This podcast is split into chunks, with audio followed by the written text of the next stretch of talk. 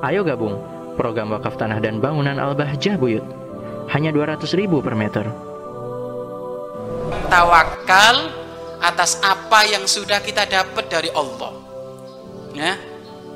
Kamu dapat motor dari Allah, dapat mobil dari Allah, dapat rumah dari Allah.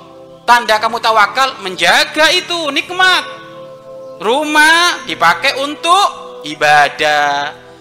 Ya, rumah dipakai untuk berteduh untuk kepentingan ibadah, ibadah.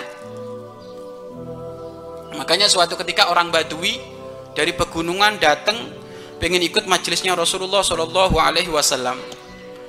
Kan orang Badui itu orang polos. Dia saat itu menaruh kendaraannya begitu saja tanpa diikat. Maka Rasulullah berkata, kenapa kamu tidak mengikat kendaraanmu? Tawakal ya Rasulullah. Bukan seperti itu. Ikil wa tawakal. Ikat dulu, baru tawakal. Ini kan kuda itu nikmat dari Allah dikasih kuda.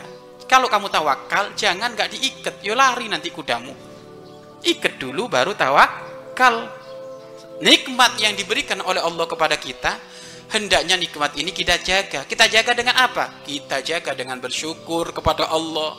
Menjadi kenikmat itu dipakai kepada sesuatu yang diridhoi oleh Allah. Sambil dija, dijaga. Dijaga itu dia eman-eman biar nggak rusak.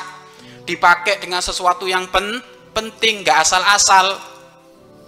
Orang punya duit 500 ribu, kalau ngerti duit 500 ribu ini adalah nikmat dari Allah, maka dia akan mikir 500 ribu ini akan aku keluarkan sesuatu yang penting. Kalau nggak penting nggak, foya-foya menghambur-hambur dengan sesuatu yang nggak manfaat enggak. Makanya termasuk berfoya-foya menghambur-hamburkan duit tanpa kepentingan yang diperintahkan oleh Allah ini termasuk tidak apa tidak tidak tidak tidak menjaga nikmat Allah sehingga dia bukanlah orang yang tawakal kepada Allah Subhanahu wa taala.